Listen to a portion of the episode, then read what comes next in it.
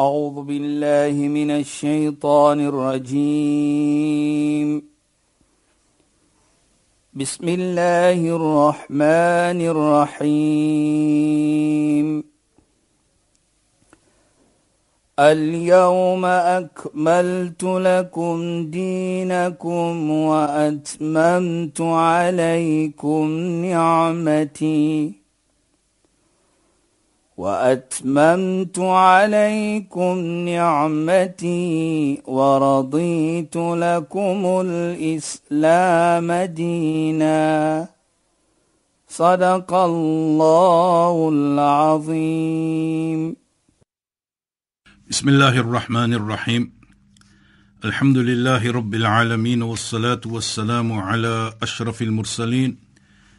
سيدنا ونبينا ومولانا محمد صلى الله عليه وسلم وعلى اله وصحبه اجمعين وبعد السلام عليكم ورحمه الله تعالى وبركاته in goeie naam aan ons geëerde en geliefde luisteraars. Nou ja, luisteraars, soos gewoond, ou sal julle maar altyd hoor Shahida Kali se stem, maar vanaand is sy nie saam met ons nie. Sy is nie siek nie, maar sy is op 'n extended vakansie. Hoe gelukkig is sy nie. Maar ons wish her alles van die beste vir haar en hoop dat sy volgende program terug sal wees. So vanaand sit ek alleen hier in die ateljee. Eh, Shahida natuurlik mis vir haar baie. Maar in elk geval, vanaand wil ek so bietjie praat op gelykheid in Islam. Wat ons sê equality. Want ek dink baie kere as ons as mens net mekaar kan aankyk dat iedere en elke een van ons is 'n skepping van die Almagtige. Dit maak nie saak wie ek is nie. Dit maak nie saak wat my kleur is nie. Dit maak nie saak watter geloof ek is nie. Maar wat baie belangrik is, dat ek as mens is 'n skepping van die Almagtige. Nou, as ek kyk in die Koran, waar Allah subhanahu wa ta'ala sê en hy praat toe hy profeet Adam. Nou ons almal glo aan die skepping van profeet Adam dat hy die eerste skepping is van mens wat die Almagtige geskapen het.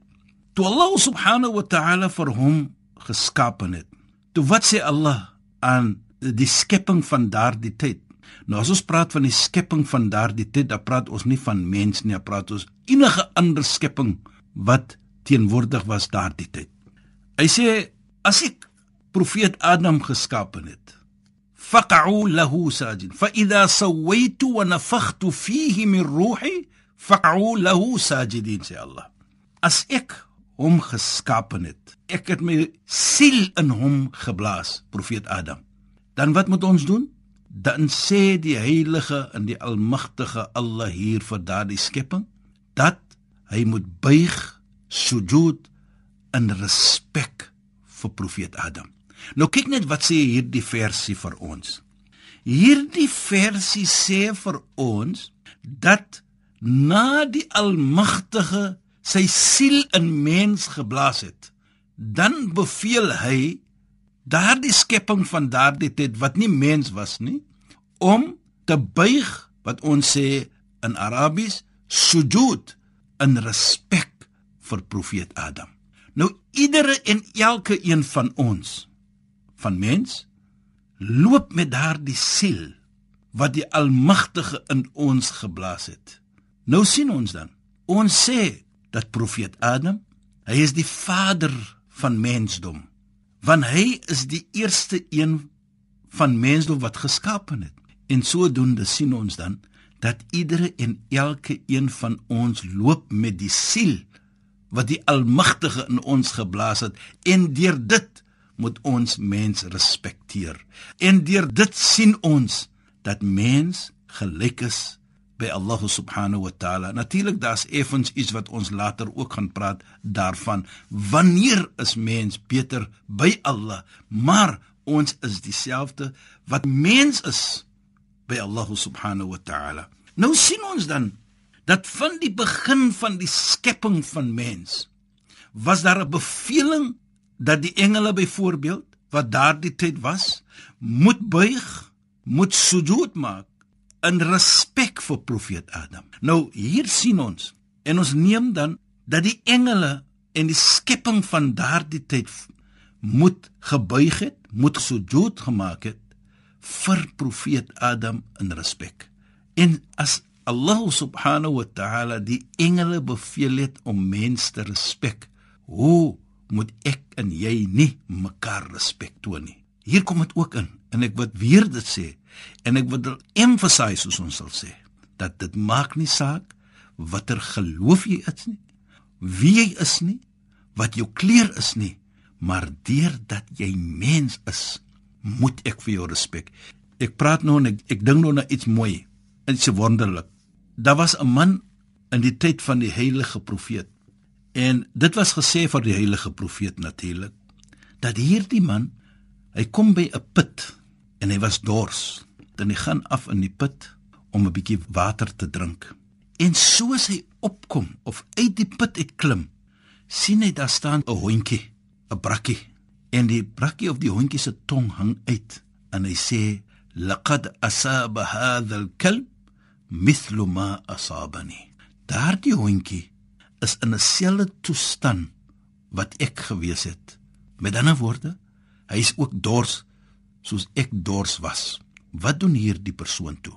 Hy kan terug in die put en hy klim af en hy vat sy skoen en hy maak dit vol water en hy kom op en gee die hondjie bietjie van die water en die hondjie drink dit en hy het dit 3 keer of 4 keer gedoen. Toe hy weer terugkom natuurlik die vierde of die toe sy hondjie weg. 'n Sekere vriend van die heilige profeet sê die heilige profeet wat hy hierdie persoon gedoen het. Wat was die beloning van hom? Deur hy getoon het die respek en omgegee het vir daardie hondjie. Sy dors was geles deur hierdie persoon. So, wat was die beloning vir daardie persoon? Toe hy dit doen aan die hondjie. Die heilige profeet sê waarlik lahul janna vir hom is die hemel vir hom is die janna hy gaan reg het hemel toe nou sien ons En ons sien dat hierdie persoon het omgegee vir 'n hondjie. Hy het respek getoon vir 'n hondjie, vir 'n dier. Nou dink net, geliefde luisteraars, as ons vir mekaar respek en ons kyk mekaar aan as mens en ons toon daardie en bewys daardie respek vir mekaar, wat kan ons beloning wees? Hoe sal ons wees in die oë van die Almagtige? Allah subhanahu wa ta'ala. Daarvoor sê ek baie kere, ons as mens moet baie dankbaar wees teenoor Allah subhanahu wa ta'ala wat mens dieselfde gemaak het volgens die wette van Islam.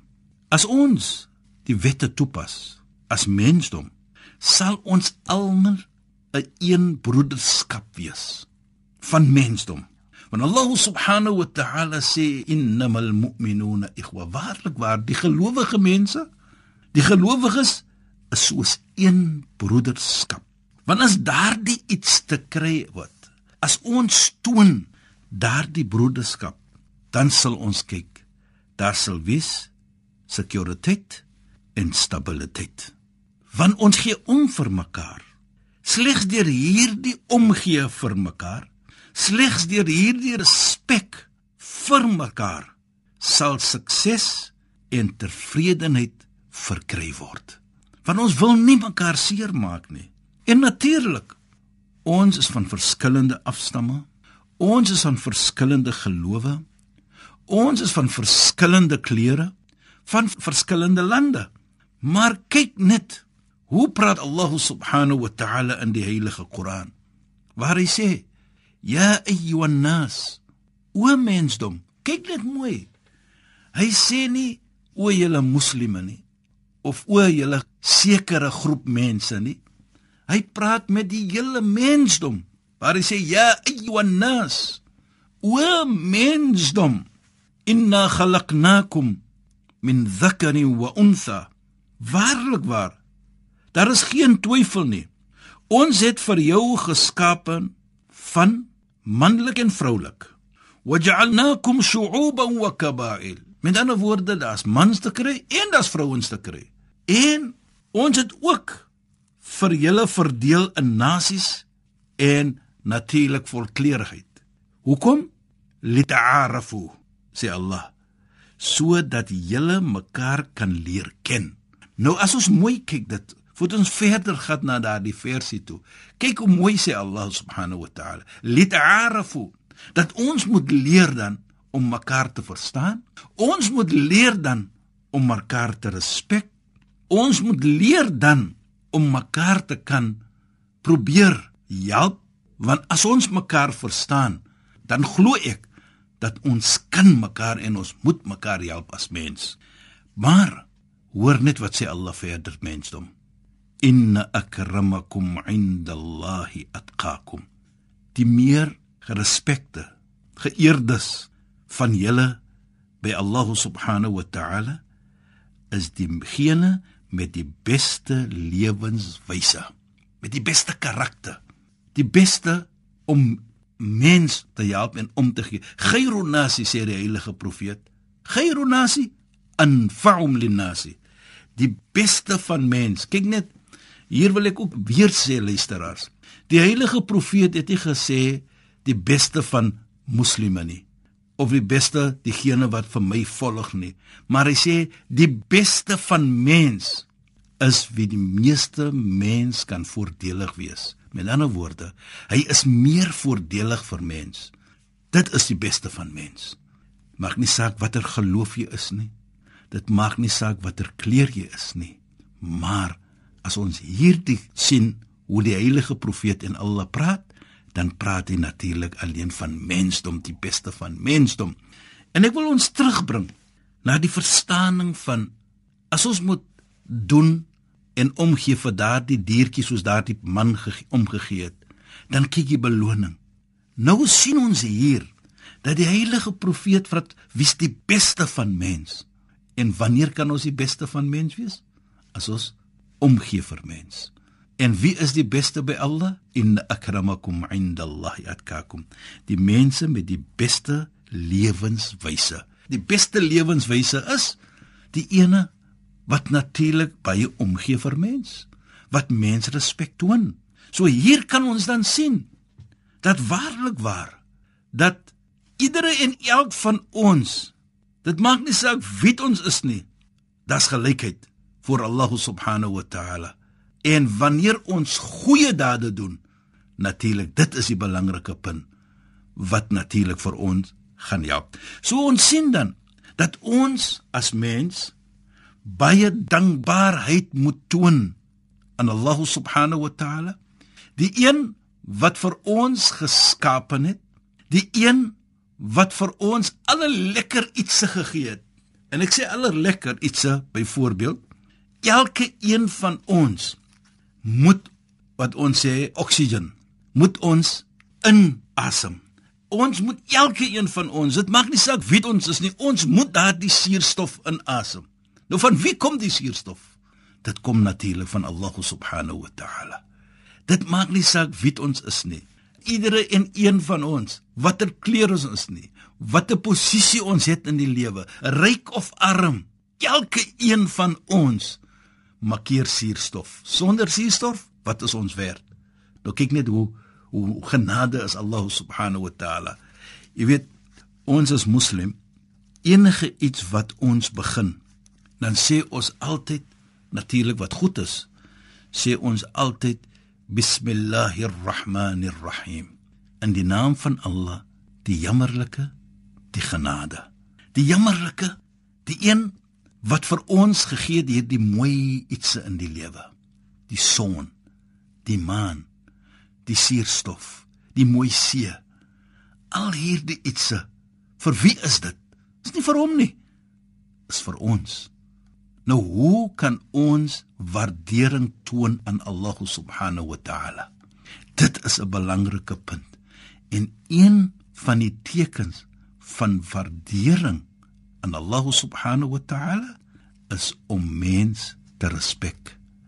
Om mens te behandel met respek van Allah subhanahu wa ta'ala het mens geskaap. Jy weet, Luisteraars, ons praat ook van die plantasies wat ons moet respek. Van plante wat ons moet respek volgens Islam. Moet ons almal hierdie iets respek. Van hulle is 'n skepping van Allah subhanahu wa ta'ala. Nou ons as mense is ook 'n skepping. Nou wat is dan die verskil? Hoekom moet ons nie mens respek nie, maar ons respek plante of diere? Nee. Ons moet als respek van elke en iedere een van hierdie ietsse en ons is 'n skepping van Allah subhanahu wa ta'ala. Tabarakalladhi bi yadihi al-mulk. Sê Allah. Alladhi khalaqa al-mauta wal-hayat liyabluwakum ayyukum ahsanu amala. Grootheid tabarak vir Allah subhanahu wa ta'ala. Alladhi khalaqa al-maut in wat dood en lewe geskaap het. Nou hoekom het hy dood en lewe geskaap om vir ons te toets? Nou sien ons dan dat ons kan getoets word ook op hierdie wêreld. Maar die beste van dit is ons wat daardie toetse moet slaag. En die toetse wat ons moet slaag, dit maak nie saak wat mens doen nie, maar ek moet tog altyd daardie mens respek toon. Want Allah beveel dit aan my. Ons het verskillende gelowe het. Ons het verskillende opinie het. Maar hoe respek ek vir jou?